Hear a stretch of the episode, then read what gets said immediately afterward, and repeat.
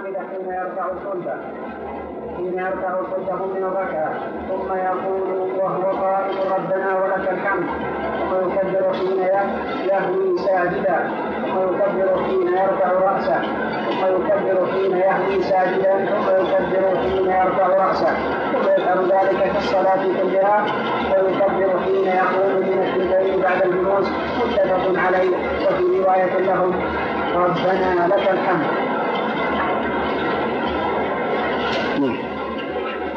وعن انس ان رسول الله صلى الله عليه وسلم قال إذا قال إذا قال إذا قال الإمام سمع الله لمن حمده فقولوا ربنا ولك الحمد متفق عليه وعن ابن عباس رضي الله عنه أن النبي صلى الله عليه وسلم كان إذا رفع رأسه من الركوع قال اللهم ربنا لك الحمد ملء السماء ملء السماوات وملء الأرض وملء ما بينهما وملء ما شئت من شيء بعد. وملء ما بينهما؟ عندي وما بينه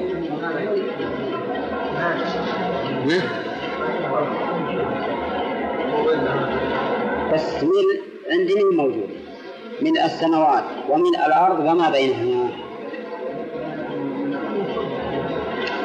طيب نشوف الشرح لأن لا أفهم بعد أنه موجود. نعم. من ما بينهما ومن ما شئت بشيء بعد. أهل الثناء والمجد أهلا. أهلا. نعم. أهل الثناء والمجد. لا مانع لما أعطيت ولا معطي لما منعت ولا ينفع ذا الجد إلا الجد. رواه مسلم والنسائي. بسم الله الرحمن الرحيم. تقدم لنا آه أن عمر بن عبد العزيز رحمه الله كان أشبه الناس صلاة بصلاة النبي صلى الله عليه وسلم. و... وأنه كان رحمه الله. يسبح أو يمكث في الركوع والسجود قدر عشر تسبيحات. وعلى هذا فهذه هي السنة. وسبق أيضا أن الرسول عليه الصلاة والسلام كشف الستارة والناس صفوف خلف أبي بكر. فقال يا أيها الناس إنه لم يبق من مبشرات النبوة إلا الرؤيا الصالحة. وبينا أن الرؤيا الصالحة كما ثبت في الحديث جزء من ستة وأربعين جزءا من النبوة وأن الصالحة هي التي يصدقها الواقع هي التي يصدقها الواقع. بدليل قول عائشة كان أول ما بدأ به الوحي الرؤيا الصالحة فكان لا يرى رؤيا إلا جاءت مثل فلق الصبح. فدل ذلك على أن المراد بالصالحة هي التي يصدقها الواقع. طيب. و ولكن هل نقول سواء حسنة ولا غير حسنة؟ ها؟ نقول لا ما نقول حسنة ولا غير حسنة لأن نقول من مبشرات النبوة. والسيئة ما تكون مبشرة. السيئة لا تكون مبشرة. فالصالحة معناه هي التي يصدقها الواقع حسنة كانت أم غير حسنة. لكن سياق الحديث من مبشرات النبوة يدل على أن المراد بالصالحة هنا التي تكون أيضا حسنة لأن غير الحسنة لا تبشر طيب وقول سبق أيضا أنه لا بد أن يكون المسلم يراها أو ترى له يراها لنفسه ولغيره ولا لا؟ ها؟ أو ترى له يراها له غيره لو كان كافرا ها؟ لو كان كافرا هل في رؤيا الكافر صلاح؟ إيه؟ لا ما دام فسرنا الصالحة بما يصدقها الواقع ها؟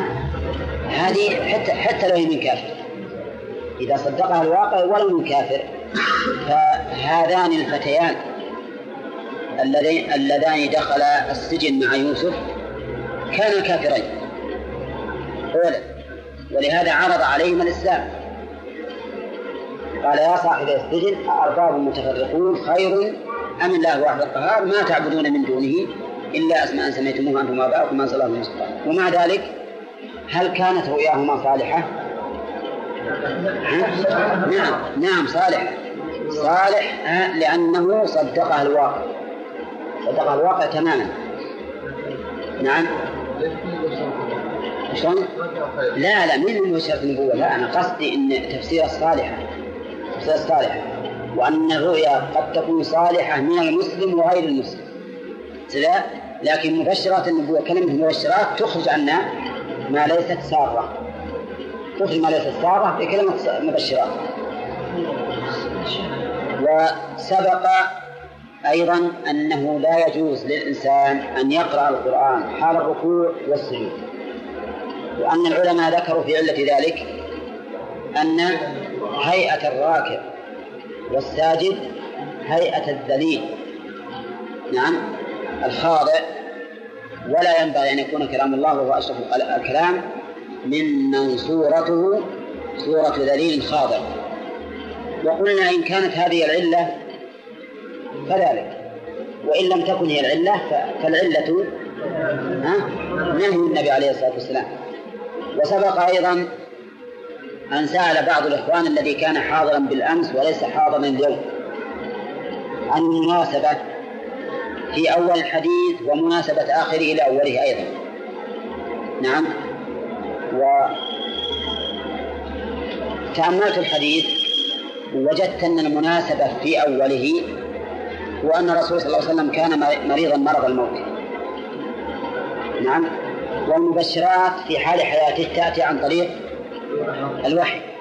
وإذا مات سوف ينقطع الوحي. فأراد النبي صلى الله عليه وسلم أن لا تيأس الأمة من المبشرات بموته. أن لا تيأس من المبشرات بموته لأنه في مرض الموت. وبين لهم أنه قد بقي من المبشرات الرؤيا الصالحة. فهذه المناسبة. فالمناسبة هي قرب أجل النبي صلى الله عليه وسلم وانقطاع الوحي. الذي يظن قد يظن أنه لا يبقى مبشرات بعده. فأراد صلى الله عليه وسلم أن يبين أن المبشرات باقية. أما بالنسبة لمناسبة آخره لأوله فأمس أجبنا بجواب. ما هو الجواب؟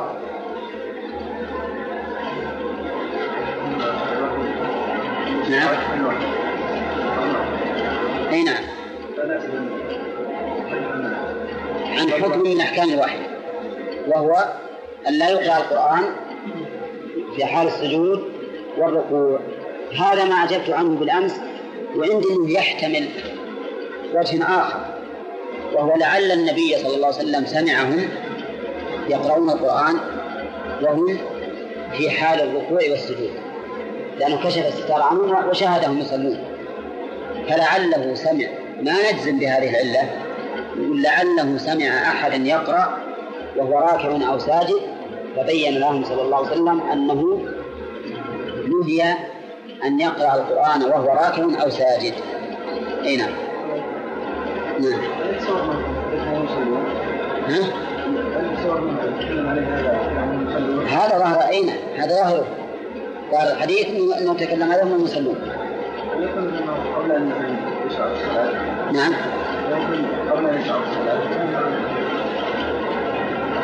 في احتمال أنه قبل.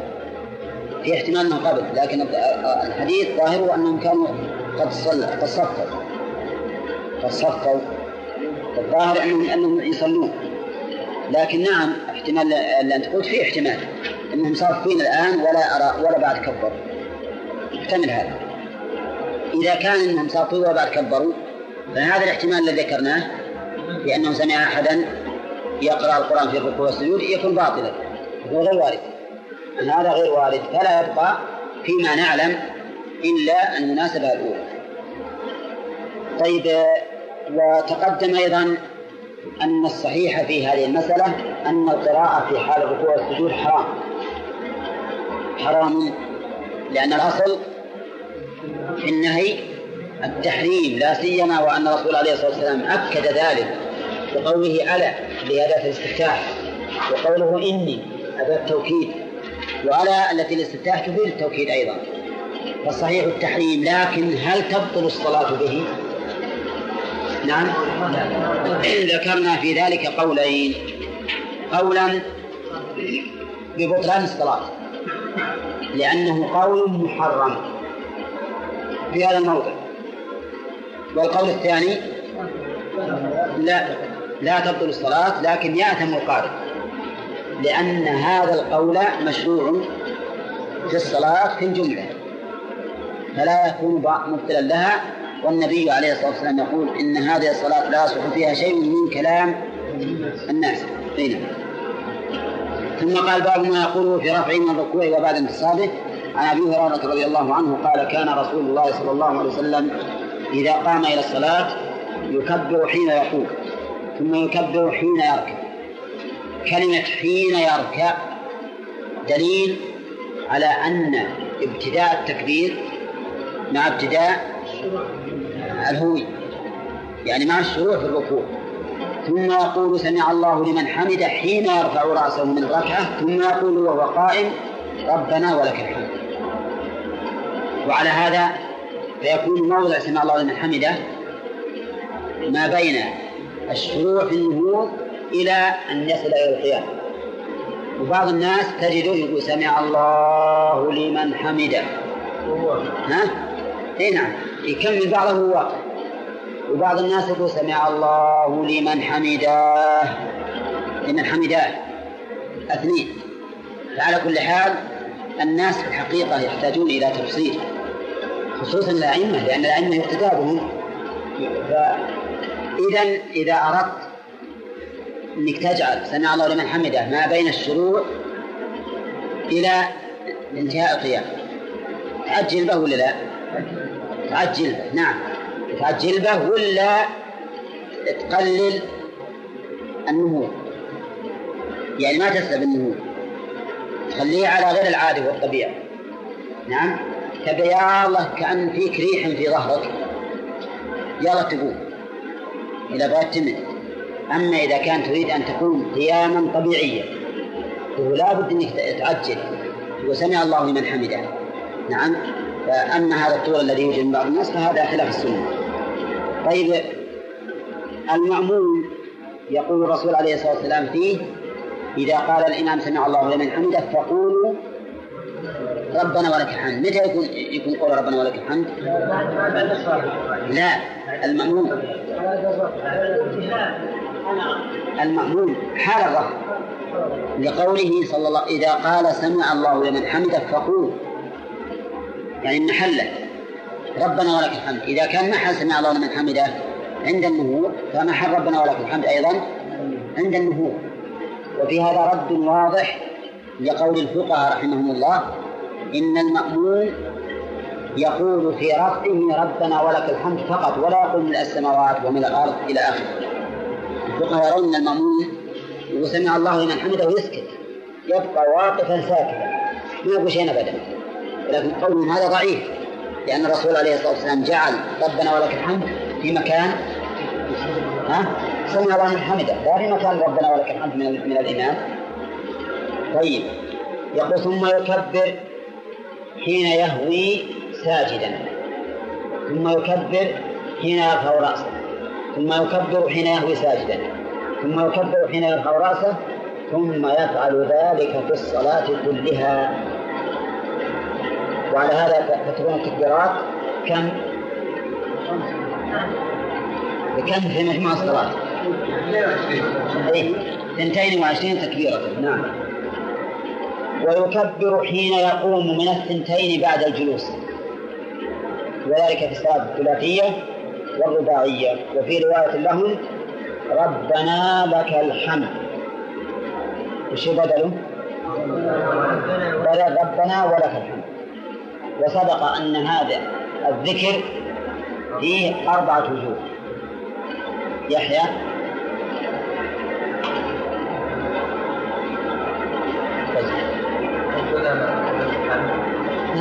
ربنا ولك الحمد. ربنا لك الحمد. اللهم ربنا لك الحمد اللهم ربنا ولك الحمد صحيح وعن انس رضي الله عنه ان رسول الله صلى الله عليه وسلم طيب الحديث هذا الشاهد منه قوله نعم قوله ثم يقول حين يرفع سمع الله حمده حين يرفع صلبه من الركعة ثم يقول وهو قائم ربنا ولك الحمد. فصار المصلي إذا رفع صلبه من الركعة يقول سمع الله لمن حمده. وإن كان مأموما يقول ربنا ولك الحمد. وإذا قام واعتدل إذا كان إماما أو منفردا قال ربنا ولك الحمد. وعن أنس رضي الله عنه أن رسول الله صلى الله عليه وسلم قال إذا قال الإمام سمع الله لمن حمده فقولوا ربنا ولك الحمد. متى يقول الله لمن حمده؟ حين يرفع رأسه من الركعه إذا نقول نحن حين نرفع رؤوسنا من الركعه نقول ربنا ولك الحمد. وعن ابن عباس رضي الله عنهما سبق لنا هذا أظن الشرط. ما حاجة عليه نعم. إيه؟ المأمون؟ إيه؟ لا الإمام لا بد يقول سمع الله لمن حمده وربنا ها؟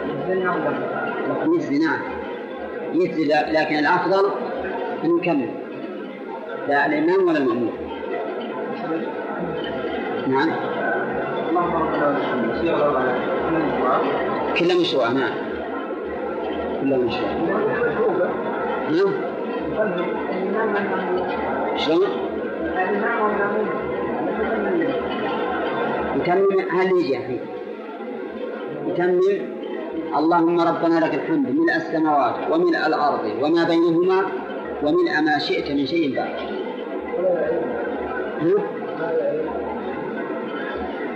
خلونا نصل إلى إلى حديث. وعن ابن عباس رضي الله عنهما أن النبي صلى الله عليه وسلم كان إذا رفع رأسه من الركوع قال اللهم ربنا لك الحمد. اللهم أصله يا الله فحذفت يا النداء. وعوض عنها الميم حذفت يا النداء للتبرك بذكر اسم الله أولا. وعوض عنها الميم دون غيرها من الحروف. لأنها تفيد الجمع. وهي إشارة إلى جمع الإنسان قلبه على ربه. وقول ربنا لك الحمد. أيضا ربنا منادى. أصلا يا ربنا لك الحمد. وسبق معنى الحمد أنه وصف المحمود شروط بصفات الكمال. وصف المحمود بصفات الكمال. فإن كرر سمي ثناء. ولهذا قال الله تعالى في الحديث القدسي إذا قال المصلي الحمد لله رب العالمين قال حمدني عبدي فإذا قال الرحمن الرحيم قال أثنى علي عبدي. ملء السماوات وملء الأرض وما بينهما وملء ما شئت من شيء بعد. هذه الملأة أيضا سبق بيانها. من لا يستحضر منكم خلينا نشوف غيرك عبد الله. نعم. طيب. نعم. نعم.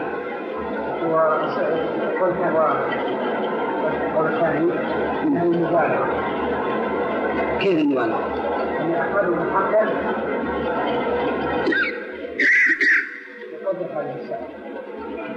يعني مبالغة عن كثرة طيب هذا اثنين نعم.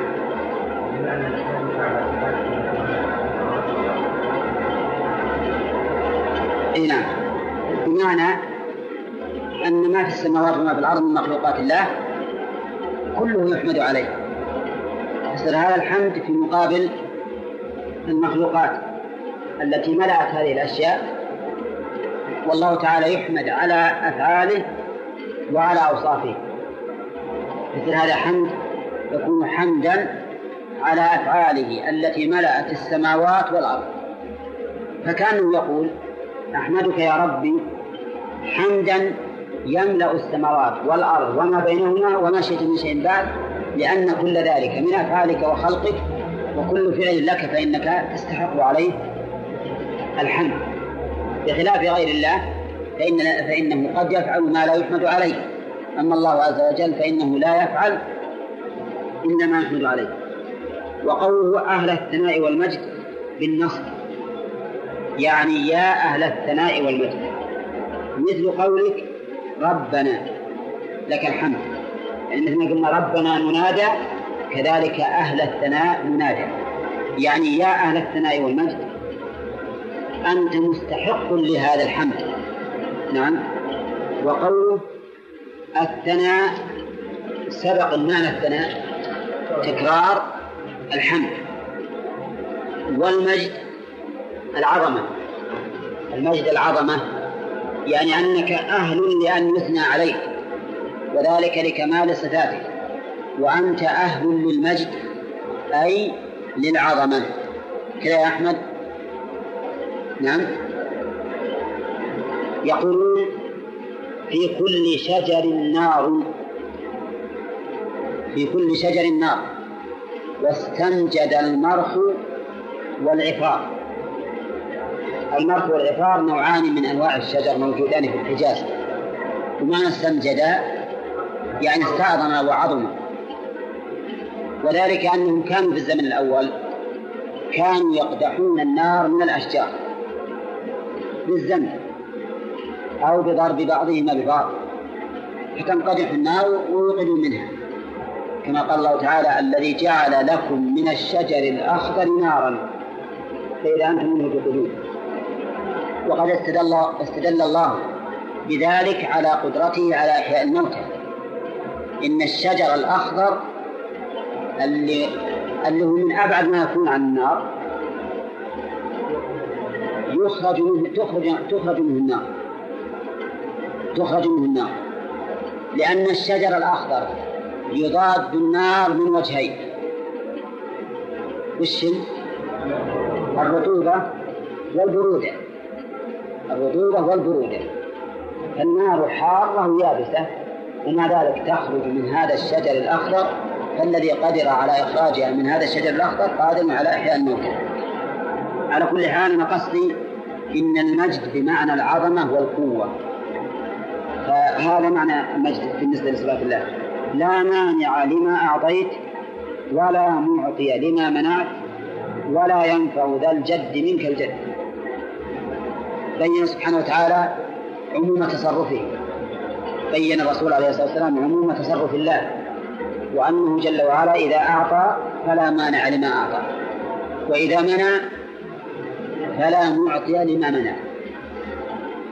وأيضا لا يمكن لأحد أن يعتصم من الله. مهما بلغ جده يعني حظه وغناه فإن ذلك لا ينفعه من الله. إذا لا ينفع ضمنت معنى لا يمنع. وش الدليل؟ الدليل قوله منك. لا ينفع منك. أي لا يمنعه فيكون نافعا له. خليكم معنا يا جماعة شوي. لا ينفع ذا الجد منك الجد. هذه كلنا نقولها في في أدوار الصلاة. لكن وش معنى لا ينفع ذا الجد منك الجد؟ أي أن صاحب الجد وهو الحظ والغنى لا ينفعه جده منك. إيش معنى لا ينفعه منك؟ أي لا يمنعه فينفعه. فكلمة ينفع مضمنة معنى يمنع. لأنه إذا منعه جده من الله فقد نفعه. فقد نفعه. لكن هذا الإنسان مهما بلغ من الجد فإن ذلك لا يمنعه من الله. ولهذا تجدون أن قدر الله نافذ في أعظم ملوك الدنيا. قوله أعظم ملوك الدنيا سلطة وقدرة وشمولا. فقدر الله تعالى فيه نافذ. ما ينفعه جده وحظه من الله عز وجل. يستفاد من هذا الحديث مشروعية هذا الذكر متى؟ إذا رفع الإنسان رأسه من الركوع. وفيه صفة إحدى الصفات الأربع في ربنا ولك الحمد وهي اللهم ربنا لك الحمد. وفيه أيضا أنه مشروع للإمام والمأموم والمنفرد. أما الإمام فظاهر. لأن الرسول عليه الصلاة والسلام كان يقوله وهو إمام. وأما المنفرد فكذلك أيضا. لقول النبي صلى الله عليه وسلم صلوا كما رأيتموني أصلي. وأما المأموم فكذلك أيضا. ولا حجة لقول لقول من قال إنه لا يقوله المأموم بقوله إذا قال سمع الله لمن حمده فقولوا ربنا ولك الحمد. لأن ربنا ولك الحمد في هذا تكون في حال الرفض. وهذا الذكر مما يكون بعد القيام من من الركوع. نعم. نعم. إيش؟ اللهم ربنا لك الحمد من السماوات. اي ثم يكمل هذا الذكر. ما يعيد مرة ثانية. طيب هل يشرع تكرار هذا بعد الركوع؟ الحديث لا يدل على التكرار. الحديث لا يدل على التكرار لأن الفعل الفعل إذا أطلق فإنه يصدق بمرة واحدة.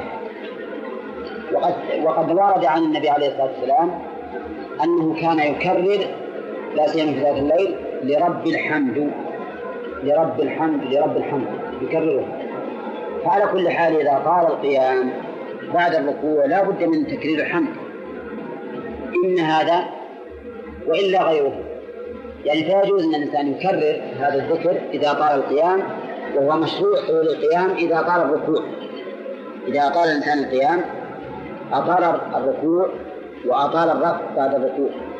فلا بد أن يقول الإنسان شيئا. وأنسب ما يقال في هذا في هذا في هذا القيام إيش أنسب ما يقال؟ ما ورد فيه وما وغيره من محامد الله. وغيره من محامد الله لأن هذا المقام مقام حمد. ولهذا افتتح بقول المصلي سمع الله لمن حمده. وسبق أن الرسول عليه الصلاة والسلام قال إذا قال من سمع الله من حمده فقول ربنا ولك الحمد يجيبكم الله. نعم. فعلى هذا نقول هذا المقام هذا القيام مقام تحميد لله عز وجل. فإذا شرعت إطالته لكون الركوع قبله طويلا فإن الإنسان يكرر فيه حمد الله عز وجل. وفيه أيضا دليل على كمال الله سبحانه وتعالى. سلطانا وصفات لقوله أهل الثناء والمجد. وفيه أيضا دليل على أنه سبحانه وتعالى من كمال سلطانه لا أحد يمنع ما أعطى ولا أحد يعطي ما منع. وش الغرض من ذلك؟ إي نعم الغرض من ذلك حث الناس على التوجه إلى الله عز وجل وتعلقهم به وأن لا يهتمون بأحد سواه. فالناس كما قال الرسول عليه الصلاة والسلام لعبد الله بن عباس لو اجتمعت الأمة على أن ينفعوك بشيء لم ينفعوك إلا بشيء قد كتبه الله لك. ولو اجتمعوا على أن يضروك بشيء لم يضروك إلا بشيء قد كتبه الله عليك. وفي هذا دليل أيضا على أن السلطة التي سوى الله مهما عظمت فإنها لا تمنع قدر الله. لقوله ولا ينفع ذا الجد منك الجد نعم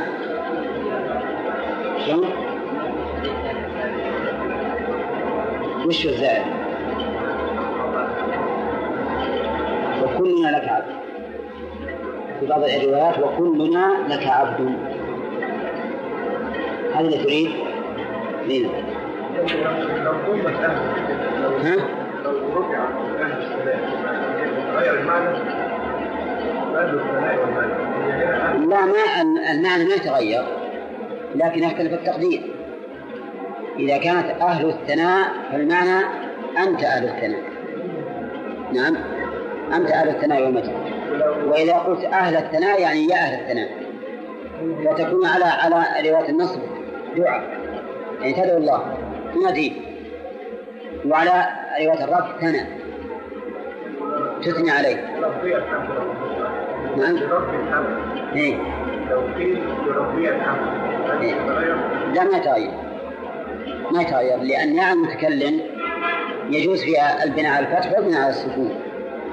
فتقول هذا كتابي وتقول هذا كتابية يصلح نعم.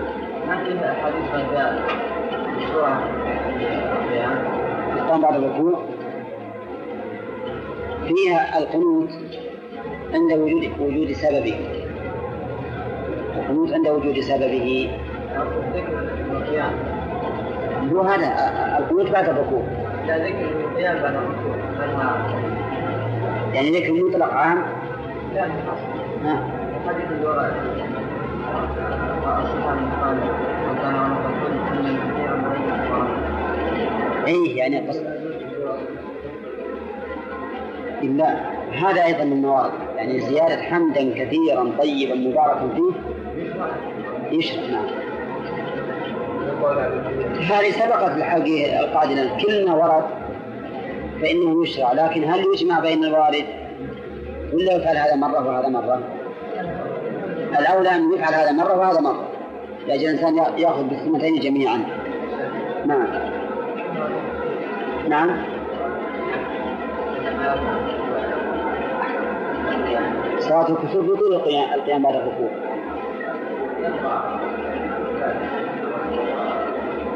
أي نعم. يعني هل يقول هذا الذكر قبل أن يقرأ الفاتحة؟ لا. إذا قال سمع الله لمن حمده ربنا ولك الحمد يبدأ به يبدأ بالفاتحة. نعم. لأن هذا ظاهر الأحاديث.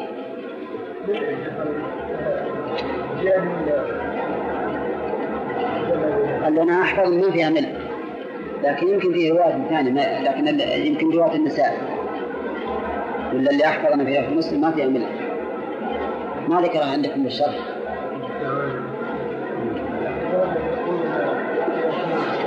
نعم.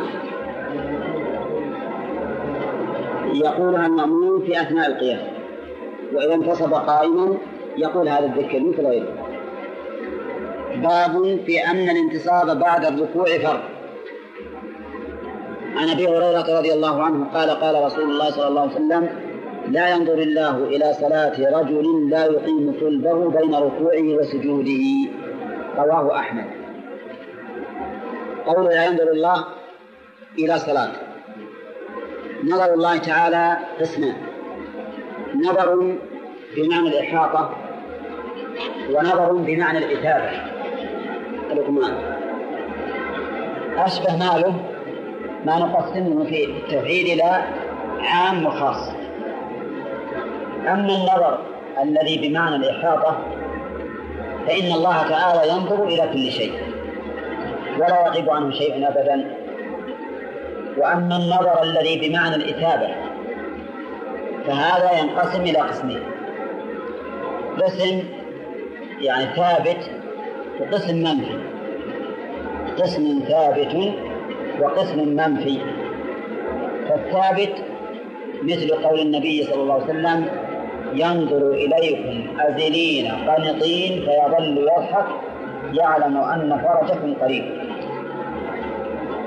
حيث قال ينظر إليكم أزلين قنطين وأما المنفي فهذا كثير. كقوله تعالى لا يكلم إن الذين يشترون بعد الله ويعملون ثمنا قليلا إن الذين يشترون بعهد الله وأيمانهم ثمنا قليلا أولئك لا خلاق لهم في الآخرة ولا يكلمهم الله ولا ينظر إليهم يوم القيامة ولا يزكيهم ولهم عذاب أليم. ومثل قول النبي صلى الله عليه وسلم ثلاثة لا يكلمهم الله يوم القيامة ولا ينظر إليهم ولا يزكيهم ولهم عذاب أليم. ومثل هذا الحديث مثل هذا الحديث. وصار إذن النظر نقسمه أولا إلى قسمين. نظر إحاطة ونظر إثابة أما نظر الإحاطة فإنه شامل لكل شيء. فإن الله تعالى ينظر إلى خلقه. نعم ولا يغيب عنه عنه شيء. وأما نظر الإثابة فإنه أيضا يتنوع إلى نوعين. مثبت وذلك فيما يرضاه الله ومنفي وذلك فيما لا يرضاه الله؟ شنو؟ ما في نعم نعم أن النظر الثواب صار قد يكون مثبتا وقد يكون منفيا إذا قلنا منفي يعني نفي الثواب وإذا نفى الله تعالى الثواب فمن ثبوت العقاب هذا يفيد التحرير طيب الذي معنى هذا الحديث. لا ينظر الله إلى صلاة رجل أي القسمين نظر الإحاطة أو نظر الإثابة. نظر الإثابة. لأن هذا الرجل الذي لا يصلي يراه الله عز وجل كما يرى من من يصلي وهو يقيم صلبه. إذا نظر الإثابة. فالمعنى أن الله تعالى لا يثيب هذا الرجل الذي لا يقيم صلبه بين ركوعه وسجوده. رواه أحمد. نعم. نعم. إيش؟ لا هذا مو حديث. هذا حديث من الحديث. هذا غريب. حديث مشهور ولكن ما له أصل. ها؟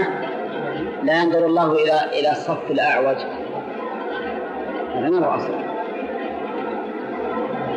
هو مشهور حتى اني اسمع بعض الأئمة فيما تنقله الرواجل أسلم يقول استووا فإن الله لا ينظر إلى الأعوج ما أدري من جاء.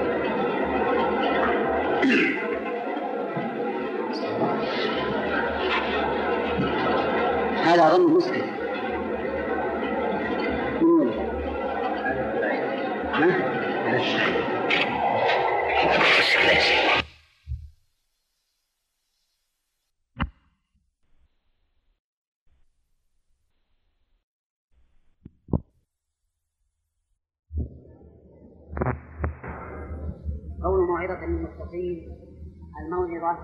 ما يكون به الاستعارة وهو الانزجار عن المعصية بل عن المخالفة. الانزجار عن المخالفة هذه الاستعارة وقوله للمتقين هل المراد الذين المتقين في علم الله؟ أو المتقين بالفعل؟ أو المتقين بهذه الموعظة التي تكون سببا لتقواهم كل ذلك مختلف هو ليش؟ لأننا لو قلنا أن المراد المتقين بالفعل لا بسبب الموعظة فالمتقي متق من قبلها يكون مختار من قبل. لكنه إذا كان الإنسان متقي أي أنه اتقى بالموعظة. فالموعظة ما تنفع إلا من؟ إلا من اتقى بها. كما أن الإنسان أيضا كلما كان أتقى لله كان أشد قبولا للمواعظ. وأكثر انتفاعا وكلما كان أقل تقوى كان أبعد من قبول المواعظ والتأثر به. لهذا يقول الله تعالى ثم قست قلوبكم من بعد ذلك ويقول ألم يأن للذين آمنوا أن تخشع قلوبهم لذكر الله وما نزل من الحق فالإنسان كلما كان أتقى لله عز وجل كان أشد تأثرا وقبولا للمواد نعم؟ وفي هذا دليل واضح على أن على فوائد التقوى. وأن من فائدة التقوى قبول المواعظ. وفيه أيضا بالعكس أن من لا تنفع فيه المواعظ فليس بمتق لله عز وجل. وبهذا نعرف يعني هذا أحد الأوجه التي نرد بها على من من ينكر عليه معصية ظاهرة ثم يقول التقوى ها هنا. التقوى ها هنا ويضرب صدره يمكن يخرج صدره. نعم؟ صحيح التقوى ها هنا ولا لا؟ صحيح. نعم لأن النبي عليه الصلاة والسلام يقول التقوى ها هنا. لكن نقول له لو كان ها هنا تقوى لاتقى الظاهر. لأن النبي صلى الله عليه وسلم يقول ألا وإن في الجسد مضغة إذا صلحت صلح الجسد كله وإذا فسدت فسد الجسد كله. يجي بعض الناس يقول يا أخي حلق اللحية حرام. تراكيمه في اللحية والتقوى مو في اللحية التقوى ها هنا نعم. ثم يضرب هذا الضربة على صدره. نعم. يقول يا أخي اركض بنفسك هين. التقوى ها هنا لو اتقى ما ها هنا. لاتقى ما ها هنا. أما دعوة مجردة بدون دليل هذا ما مقبولة. ويدل على ذلك قوله وموعظة للمتقين. فالإنسان اللي يكابر عند الموعظة ينكرها أو يردها هذا دليل على أنه ليس بمتقي. إذ المتقي لا بد أن يتعظ لا بد أن يكافر ما يكافر ولا يجاهد الله نعم. اي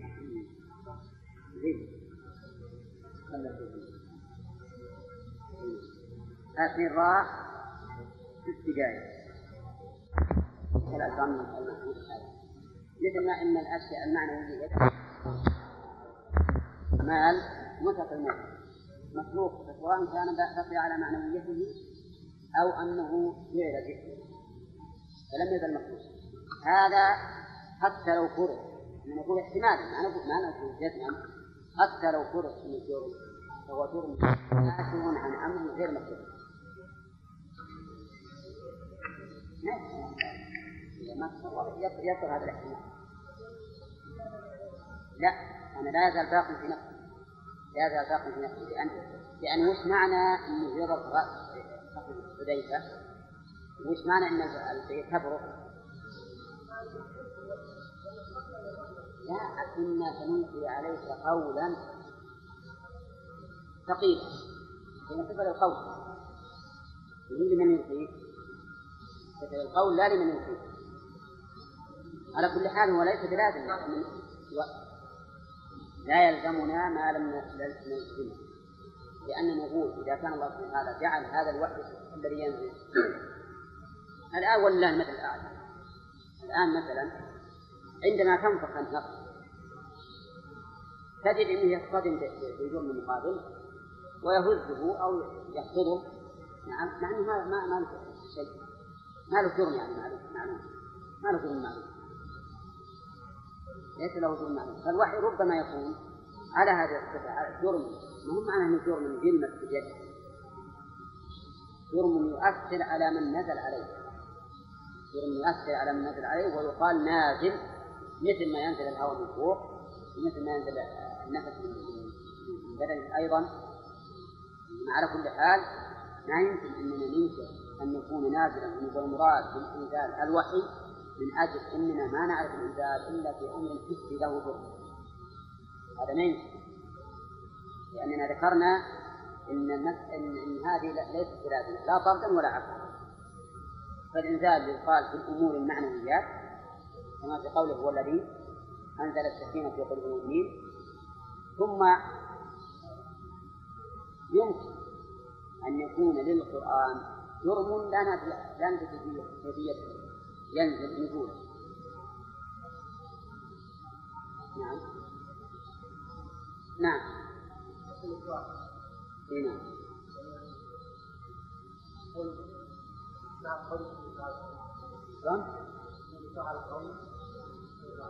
لا الإكراه على الفعل حكم حكم الإكراه على القول.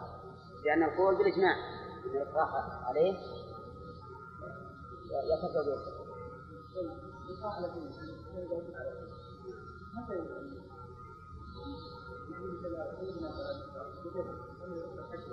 آه يعني إلى السبب الذي يكون به الإكراه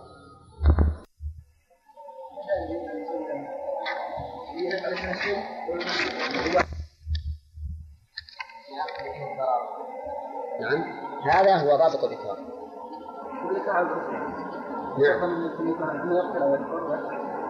لا مو بلازم يقتل حتى مثلا الضرب اللي ما يتحمله أو الحبس المؤبد اللي يمنعه مثلا من من العيش مع مع المسلمين هذا لا شك أنه إكراه.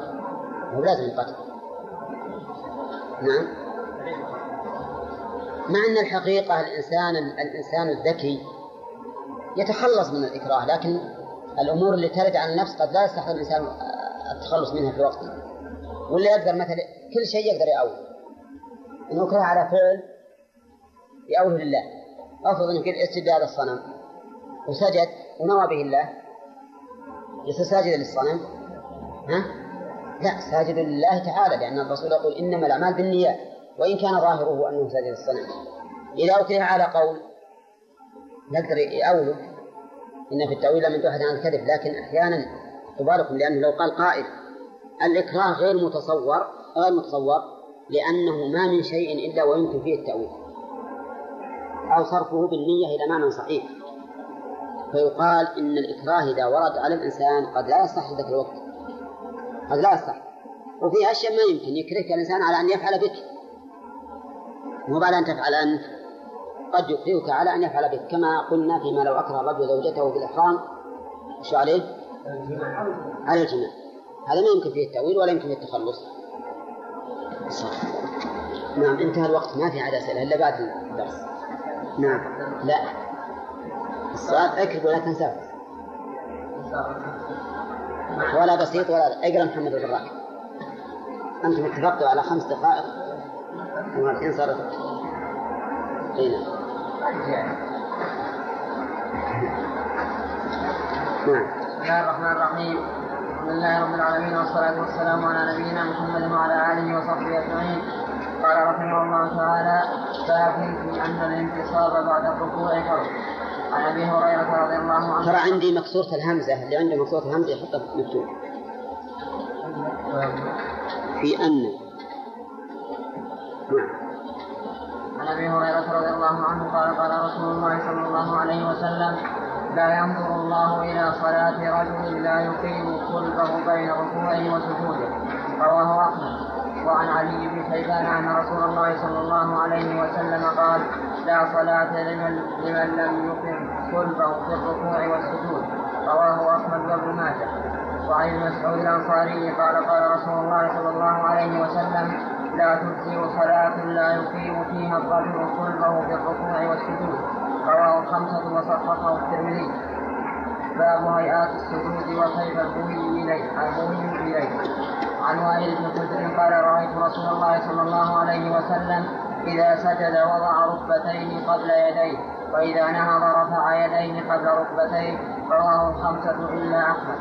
وعن أبي هريرة قال قال رسول الله صلى الله عليه وسلم إذا سجد أحدكم فلا يبرك كما يبرك الجمل. وليضع يديه على ركبتيه رواه أحمد. وليضع يديه. ثم ركبتيه رواه أحمد وأبو داود والنسائي. وقال الخطاب حديث وائل بن حجر أثبت من هذا. وعن عبد الله بن بحيرة قال كان كان رسول الله صلى الله عليه وسلم إذا سجد يجنح في سجوده ثم ثم يري وضوح إبطيه حتى يرى. حتى يرى وضح وضح إبطيه متفق عليه. وعن أنس عن النبي صلى الله عليه وسلم قال اعتدلوا في السجود ولا يبسط أحدكم ذراعيه بساط الكلب رواه الجماعة. وعن أبي حميد الساعدي رضي الله عنه في صفة صلاة رسول الله صلى الله عليه وسلم قال وإذا سجد فرج بين فخذيه غير حامل بطنه على شيء من فخذيه رواه أبو داود. وعن أبي حميد أن النبي صلى الله عليه وسلم كان إذا سجد أمكن أنفه وجبهته من الأرض ونحى يديه عن جنبيه ووضع كفيه حذو منكبيه. رواه أبو داود والترمذي وصححه. بسم الله الرحمن الرحيم. تقدم لنا ما يقال بعد الرفع من الركوع. وسبق أيضا أن الانتصاب بعد الركوع فرض. لا بد منه. وبينا على قوله صلى الله عليه وسلم لا ينظر الله إلى صلاة إلى صلاة رجل إلى آخره. بينا أن نظر الله ينقسم إلى قسمين. وهما زيد. نظر القبول والإتابة وش بعد؟ والثاني؟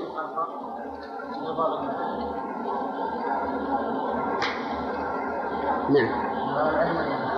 إيه، الإدراك. إيه، نظر الإدراك والإحاطة. زين. أما الثاني فهو شامل ولا خاص؟ شامل. فإن الله تعالى ينظر كل شيء سواء يرضاه ويقبله أو لا. ما يتخلف عن نظره شيء. وأما الأول اللي هو نظر القبول والإتابة فهو خاص بما يرضاه بما يرضاه تعالى. إذا لا ينظر الله إلى صلاة رجل من أي القسمين؟ من الأول اللي هو نظر القبول والإثابة. لا نظر الإدراك والإحاطة فإن الله سبحانه وتعالى يدركها ويحيط بها. وقوله إلى صلاة رجل يعني دون امرأة لا. ولكنه يذكر دائما يعبر بالرجال والنساء كالرجال. النساء كالرجال. ولذلك كان القول الصحيح الذي لا شك فيه أن النساء وإن كان هذه من مسائلنا لكنها طرأت عليه أن النساء ينظرن إلى الله عز وجل في الجنة. خلافا لمن قال إنهن لا يرين الله.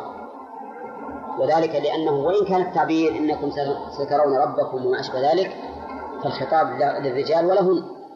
هن مثل الرجال في الثواب. إذا رجل يعني أو امرأة. لا يقيم صلبه ما هو الصلب؟ الظهر بين ركوعه وسجوده رواه أحمد. وقوله لا يقيم صلبه ما قال بقدر كذا. فظاهره أن أقل إقامة يحصل بها النظر والقبول. وهو كذلك لأن المهم أن ينتصب الإنسان حتى يطمئن. فإذا أقام صلبه وسجد فلا حرج فيستفاد منه أن الذكر السابق من السماوات ومن الأرض إلى آخره واجب ولا لا؟ غير واجب. يستفاد منه أنه غير واجب. لأنه لو كان واجبا لوجب أن يبقى الإنسان حتى يكمل هذا الذكر. طيب الحديث يقول لا يقيم صلبة. عمل بعض الناس الآن أشوفه كثيرا في الأجانب. تلقاه إلى منه رفع من الركوع قبل لا ينتصب يسجد. ما حكم صلاته؟ ها؟ باطلة لأن الله لا ينظر إليه. لا ينظر إليها نظر قبول وإثابة. فهي إذا باطلة ولا تصح. آه طيب. الحديث وعن علي بن وعن علي بن شيبان أن رسول الله صلى الله صلى الله عليه وسلم قال لا صلاة لمن لم يقم صلبه في الركوع والسجود رواه أحمد وابن ماجه وعن أبي مسعود الأنصاري قال قال رسول الله صلى الله عليه وسلم لا تجزئ صلاة لا يقيم فيها الرجل صلبه في الركوع والسجود. رواه الخمسة وصححه الترمذي. نعم. المؤلف ترتيبه جيد. الحديث الأول لا ينظر وخاص في القيام بعد الركوع. والحديث الثاني لا صلاة ويشمل القيام بعد الركوع. بعد؟ والجلوس بين السجدتين اللي هو القيام من السجود. والحديث الثالث كذلك. لكن لما كان الحديث الثاني لا صلاة وأن وأن فيه مجالا للتأويل. وما هو التأويل هنا؟ تأويل نفي النفي بنفي الكمال. أتى باللفظ الثاني بالحديث الثاني اللي فيه التصريح بأنها لا تجزي. شو لأجل؟ لأجل أن يقطع ما يفرض من الاحتمال في أن قوله لا صلاة أي كاملة. على أننا لو لو قال لنا قائل لا صلاة كاملة فهل نقبل منه ذلك؟ ها؟ لا ما نقبل ذلك. إلا بدليل. ما نقبل ذلك إلا بدليل. وأظن السني ما ما حضر تقريرنا هذه القاعدة. أولى قلنا إذا ورد النفي على شيء. فالأصل فيه نفي الوجود. نفي الوجود. هذا الأصل. فإن لم يمكن حمله على نفي الوجود فهو لنفي الصحة.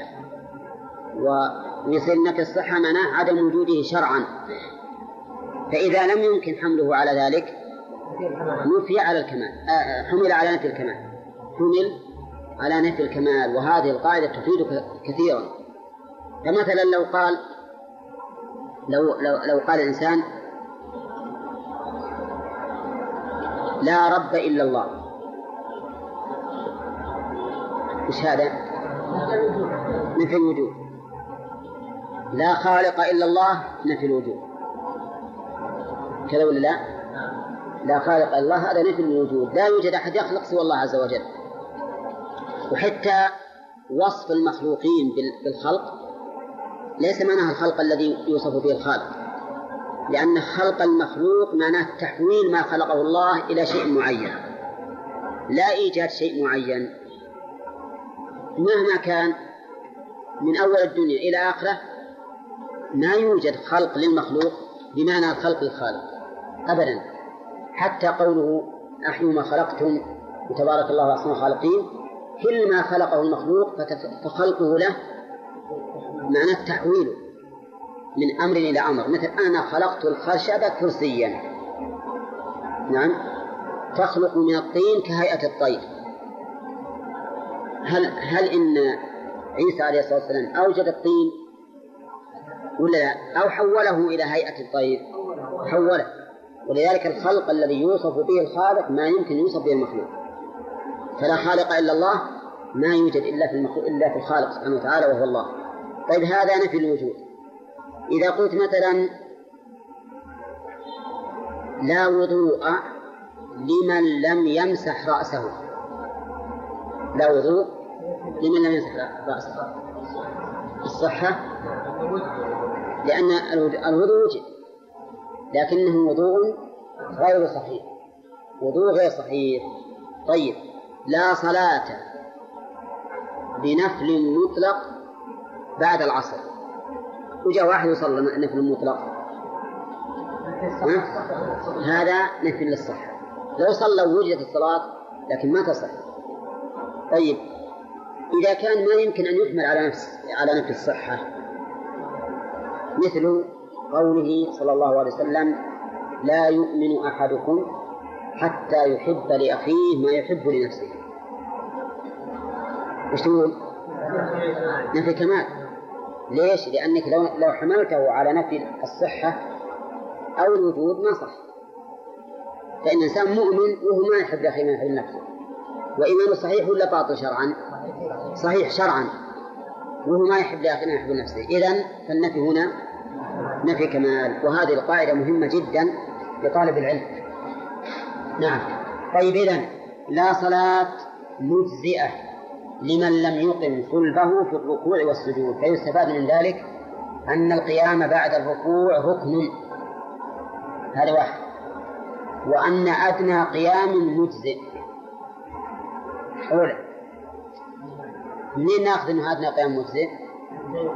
لقوله يقيم صلبه لقوله يقيم صلبه وإقامة الصلب تحصل بأدنى وقوف وكذلك بالنسبة للسجود إقامة الصلب من السجود تحصل بأدنى قعود نعم وفيه أيضا دليل على أن كيفيات الجلوس بين السجدتين واجبة ولا غير واجبة؟ كيفيات الجلوس ها؟ الكيفية مو بالجلوس الكيفية غير واجبة منين ناخذ أنها غير واجبة؟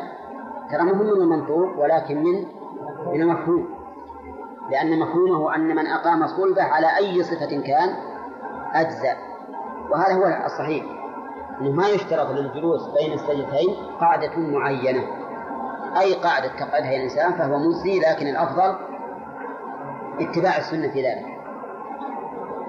طيب وفي قوله الرجل في اللفظ الأخير في الحديث الأخير مثل قوله في الأول إلى صلاة رجل يعني أنه ذكر الرجل لشرفه. لشرفه على المرأة. ثم قال المؤلف باب هيئات السجود وكيف الهوي الهوي الهوي إليه. آه هذا الباب يتضمن مسألتين. أولا كيف يسجد الإنسان وعلى أي كيفية والثاني كيف يهوي إلى السجود. عن وائل بن حجر قال رأيت رسول الله صلى الله عليه وسلم إذا سجد وضع ركبتيه قبل يديه وإذا نهض رفع يديه قبل ركبتيه رواه الخمسة إلا أحمد. وعن أبي هريرة رضي الله عنه قال قال رسول الله صلى الله عليه وسلم إذا سجد أحدكم فلا يبرك كما يبرك البعير الجمل. وليرى يديه ثم عندنا الجمل. أظن الجمل ولد عم البعير. أو هو. زين. آه كما يبرك الجمل وليضع يديه ثم ركبتيه. وعندكم قبل ركبتيه؟ ها؟ عندنا ثم ركبتيه رواه أحمد وأبو داود والنسائي وقال الخطابي حديث وائل بن حجر أثبت من هذا. هذان حديثان في صفة السجود. الهوي الهوي إلى السجود. إذا سجد وضع ركبتيه قبل يديه. يعني أول ما يرد إلى الأرض ركبتان ثم يديه ثم يداه ثم جبهته وأنفه. وهذا الترتيب في الحقيقة ترتيب طبيعي. يعني لو أن الإنسان سجد بدون أن يوحى إليه بشرع أن يعلم بشرع في هذا الأمر وش بيصير ترتيب السجود؟ ها؟ هذا. ينزل الأعلى فالأعلى الأعلى. فالأعلى فيبدأ بالركبتين ثم باليدين ثم بالجبهة والأنف. هذا ترتيب طبيعي معتاد وهو الأصل. وهو الأصل وهو السنة وإن كان حديث وائل هذا ضعيفا لكنه في الحقيقة موافق للأصل. موافق للأصل. فموافقته للأصل تشهد بصحته. لأنك كونك تبي تهبط بيديك قبل قبل الركبتين هذا خلاف الأصل. خلاف الترتيب الأصلي. فالترتيب الأصلي أن تبدأ بالركبتين ثم باليدين ثم بالجبهة والأنف والأنف. في الهوي في, الراس. وش تبدأ؟ ها؟ بالجبهة يقينا. ولا لا؟ ما حد يبي يطلع يديه من ركبتيه قبل جبهته أولا بالجبهة. كذلك أيضا بعد ذلك باليدين. ثم بالركبتين. ثم بالركبتين. فكما أنك بدأت بالركبتين أولا فأخرهما أخيرا. أخرهما أخيرا. وكما أخرت الجبهة والأنف أولا فابدأ بهما أولا في الرفع. يصير هذه بهذه. هذه بهذه. هذا هو الترتيب الطبيعي المناسب لهذا الحديث. في حديث أبي هريرة إذا سجد أحدكم فلا يبرك كما يبرك الجمل وليضع يديه ثم ركبتيه. رواه أحمد وأبو داود والنسائي. شوف وليضع يديه ثم ركبتيه. وحديث وائل وش يقتضي؟ العكس. يضع الركبتين قبل اليدين. فمن ثم اختلف العلماء في الجمع بين هذين الحديثين. منهم من قال حديث وائل أثبت. من حديث أبي هريرة. وعلى هذا يكون هو المعتمد ويلغى حديث أبي هريرة. ويكون هذا الرجل سلك إيش؟ الجمع ولا الترجيح؟ سلك الترجيح. ومنهم من عكس.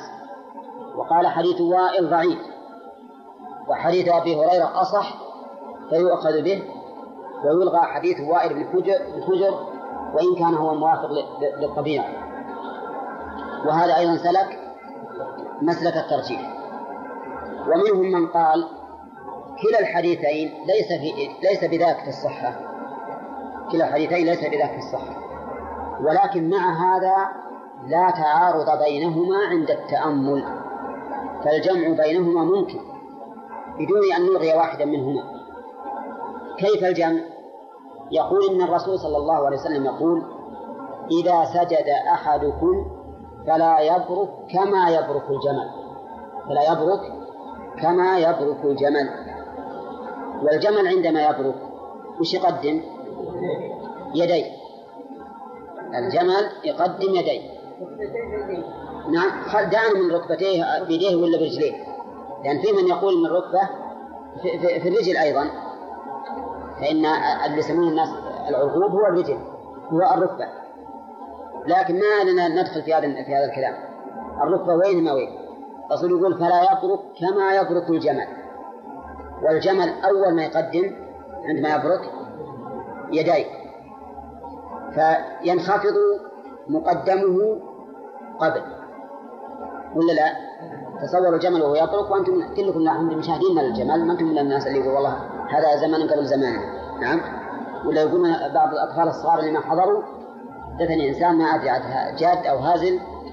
يقول فيه ناس صبيان في الرياض. واقفين عند ناقه باركه يشاهدونه يتعجبون. منه ما عمرهم شافوه.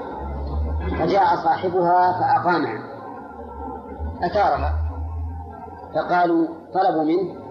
قالوا من فضلك صفقة مثل من أول نعم. البروك إي نعم. هم ما يعرفون البروك ولا كيف تبرك على كل حال هم الحمد لله مشاهدين الجمل وهو يقدم وش يقدم؟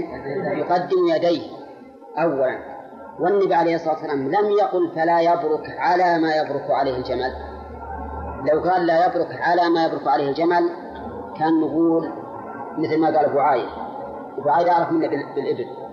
كان نقول على ما يبرك عليه الجمل الجمل يبرك على ركبتيه. بناء على أن الركبة ركبة الجمل في يده. وهو يبرك على ركبته. لكن الحديث يقول فلا يبرك كما. والنهي عن الكيفية نعم في التشبيه. لا على نفس المبروك عليه. لو قال فلا يبرك على ما يبرك عليه الجمل ربما يكون هنا محل نقاش. لكن الواقع إن ما فيه نقاش إطلاقا وأنه لا تعارض بين الحديثين. يبقى النظر وليضع يديه ثم ركبتيه. هذا نجزم جزم أنه مختلف على الراوي. لأنه ما يطابق أول الحديث. لا يبرك كما يبرك الجمل. يقدم يديه وليضع يديه ثم ركبتيه. إذا وضع يديه قبل ركبتيه وش صار؟ برك كما برك الجمل. برك كما برك الجمل. فعند التأمل يتبين أن الجملة الثانية مختلفة على الراوي. ولهذا جزم ابن القيم رحمه الله في زاد المعاد بأنها منقلبة على الراوي وأن صوابها وليضع ركبتيه ثم يديه لأجل أن يتطابق آخر الحديث مع أوله. ثم بالتالي يوافق حديث وائل بن حجر. وبهذا التقرير يتبين أننا سلكنا إيش؟ سبيل الجمع. لا سبيل التعارض والترجيح. والواجب على كل مسلم في هذا وفي غيره أنه متى أمكن الجمع بين النصوص التي ظاهرها التعارض فليصل إليه. فليصل إليه. لأجل أن لا يلغي أحد النصوص. لأنك إذا رجحت لابد تلغي أحد النصوص. لكن إذا جمعت اعتبرت جميع النصوص وصارت كلها متطابقة ولا تتناقض. وهذا هو الواجب لأن الله يقول في القرآن ولو كان من عند غير الله لوجدوا فيه اختلافا كثيرا فلا يمكن للنصوص أن تعارض مختلفة إلا أنه يمكن الجمع وإذا لم يمكن الجمع وكلها سواء في الصحة فلا بد من النسخ. لا بد من النسخ لأن الله تعالى يمحو ما يشاء ويثبت طيب إذا اللي قررنا الآن وش اللي قررنا أن المشروع عند السجود إيش؟ بدء البدء بالركبتين قبل اليدين وكذلك في النهوض ينهض باليدين قبل الركبتين إلا إذا كان هناك سبب. فإذا كان هناك سبب مثل مرض أو ثقل أو كبر أو ما أشبه ذلك فلا حرج عليه أن يبدأ باليدين. عند السجود وكذلك بالركبتين عند النهوض. نعم. وهذا لقوله تعالى فاتقوا الله فاتقوا الله ما استطعتم. وأما مع عدم المشقة ومع القدرة فإن المشروع أن يبدأ بالركبتين قبل اليدين. وعن عبد الله بن بحينة نعم. ها؟ هل يبرك؟ لا فلا. عندك هل؟ فلا.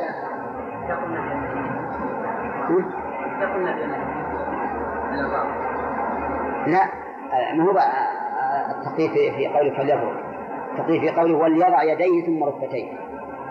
نقول الصواب انه انه الصواب إنه يقال وليضع ركبتيه ثم يديه. وليضع ركبتيه ثم يديه. نعم.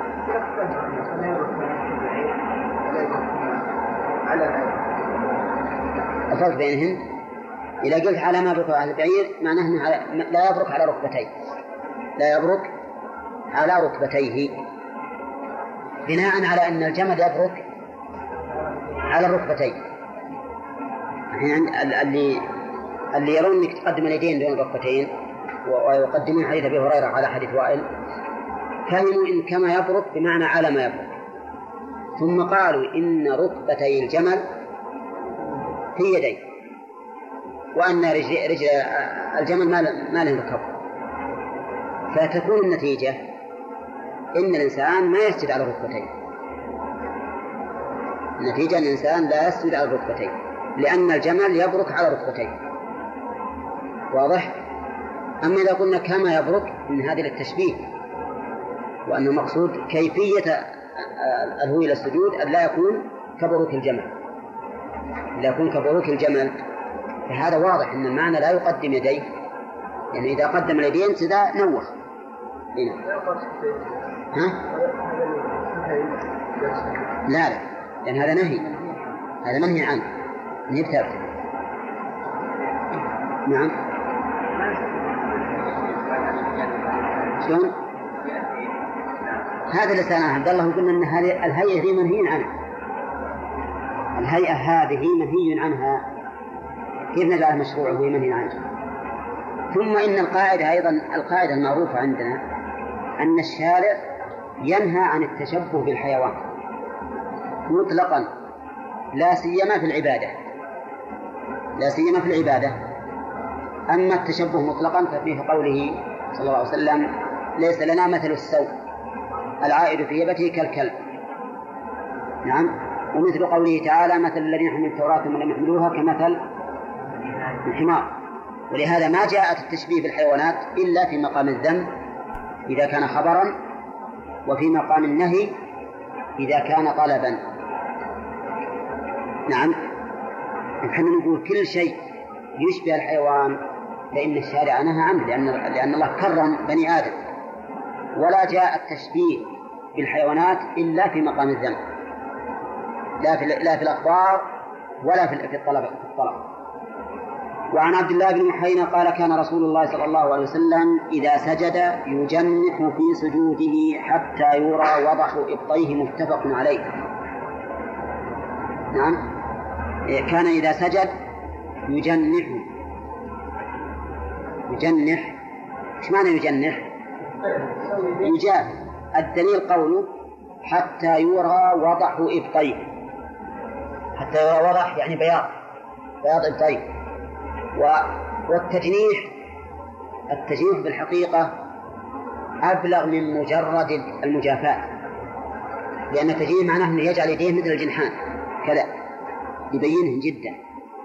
نعم. فكان النبي عليه الصلاة والسلام يفعل هكذا إذا سجد. يعني يجافي مجافاة كبيرة بحيث تكون يداه كالجناحين للطائر. نعم. وضح إبطيه بياض إبطيه وضح إبطيه أي بياض إبطيه فكيف بياض الإبطين؟ هنا الإبطين بيض. ها؟ إيه. بالنسبة لبقية الجسم أبيض منه. بالنسبة لبقية الجسم لا سيما إذا كان الإنسان يميل إلى الأدمة. يعني إلى اللون الأسود قليلا. فإنه يتبين بذلك وضح مغابنه. نعم.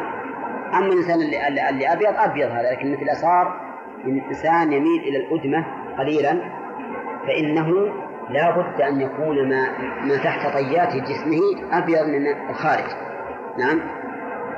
ولهذا في حديث أبي جحيفة قال لما خرج النبي عليه الصلاة والسلام وعليه حلة حمراء قد شمر. وهو في الأبطح في مكة. قال كأني أنظر إلى بياض الساقين. إلى بياض الساقين. الساق أبيض من القدم ولا لا؟ لأن القدم بارزة للشمس والهواء تسود.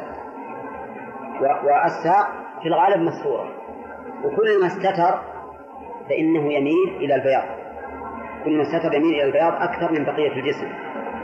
في هذا الحديث دليل على أولا مشروعية التجنيح في السجود. رحمك الله. منين يؤخذ؟ من قوله يجنح في سجوده.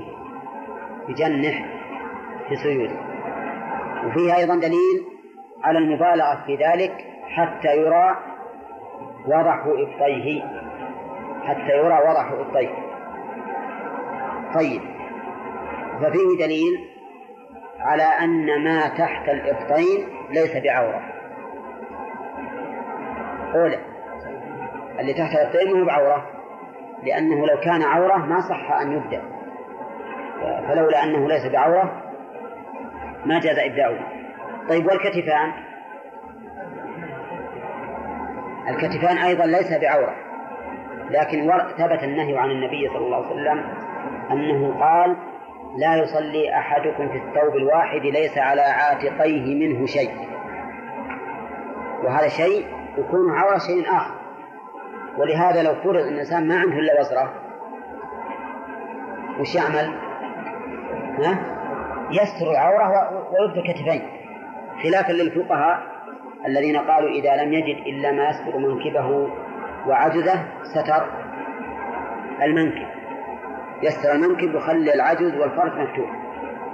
هذا قول ما هو صحيح. إنما الصحيح لا شك أنه إذا لم يكن معه إلا ما يستر المنكبين أو العجز والفرج فالواجب ستر العورة. ولهذا ثبت عن النبي عليه الصلاة والسلام من حديث جابر أنه قال في الثوب إن كان واسعا فالتحف به وإن كان ضيقا فاتزر به. يعني جره إزارا وهذا واضح بأنه تبدو الكتفان. طيب لو قال قائل إذا سجد يجنح. وأنتم الآن في هذا المكان قلتم إنه لا ينبغي التشبه بالحيوان خصوصا بالعبادات. نعم؟ ها؟ لا هو حيوان قاعد يطير. لا لا ما يمكن. بعض الحيوان ما يمكن. نعم. من الذي قال يجنح؟ الراوي. الراوي وأراد التقريب. ثم إنه ليس كالطير تماما لأن الطير يفل يديه هكذا كله. ولا لا؟ ولا يقرفص؟ ما يقرفص لو قرفص يقبضنا هذا صحيح من صفات الطيران. لكن عندما يريد أن أن يطير لا بد أن ينهض بهذا. ولا بد من تحريك. وهو لا بد من مد وتحريك ومد كامل لكن هذا الرجل اللي قال هكذا إيديه مضمومات الحقيقة ما مدت كمد الطير فلذلك المشابهة هنا ليست بكاملة. فالجواب على هذا أن يقال إن الصحابي رضي الله عنه أراد التقريب أراد التقريب والنبي عليه الصلاة والسلام ما قصد بذلك أن يتشبه بالطير. بدليل أن المشابهة هنا ليست ليست كاملة ليست كاملة. أما قول بعضكم عفى الله عنه إن الطير ليس بحيوان فهذا هو الجواب وكذلك قول البعض الآخر أي بعض الحيوان. هذا مو من يعني ما يمكن أن يتخلص. أنت ذكرت قاعدة عامة الحيوان كله. هنا ولذلك انتبهوا لهذه المسألة. ترى بعض الناس يعجل وينفي الشيء بس بده يتخلص لكن ما ينفع ما ينفع وين راح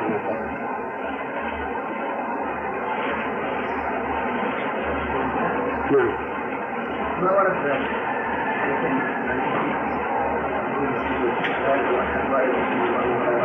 والله ما أعرف غير هذا. ما أعرف غير هذا الحديث.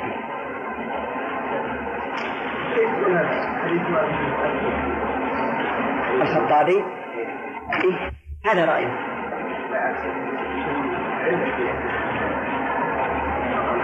العلة عنده في السند؟ يعني كل أسنادهم فيه نظر. يعني من كل صحيحات. بس من بعض العلماء يرجح حديث أبي هريرة وبعض العلماء يرجح حديث وائل بن حجر. ومع ذلك حنا نقول الحمد لله ما حاجة للترجيح أصلا. ما دام أمكن الجمع فلا داعي للترجيح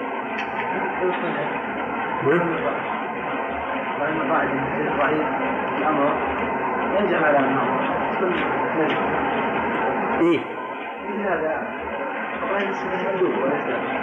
ما يخالف إحنا هذا المندوب مثلا مندوبة ما هي على سبيل الوجوب ها؟ وين؟ أحسنت. شلون؟ النهي هذا ليس للتحريم. ليس للتحريم. مثل ما قلت لأن الحديث فيه نظر. لكن قد يعضل للتحريم أننا نهينا عن التشبه بالحيوان يعني قد يؤيده إلا أنه لكنه يقال أصل الحديث لم يثبت ثبوتا يطمئن الإنسان إلى تحريم هذا الفعل.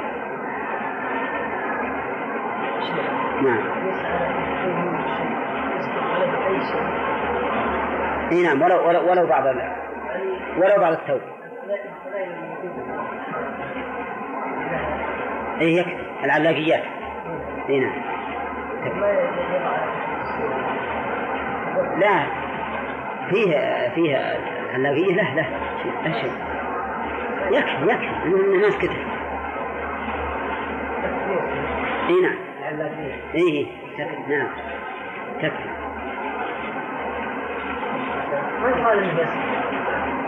هو ما الرسول ما قال اسطول يقول ليس على عاتقه منه شيء وشيء كما تعرف آه، نكرة في سياق النفي.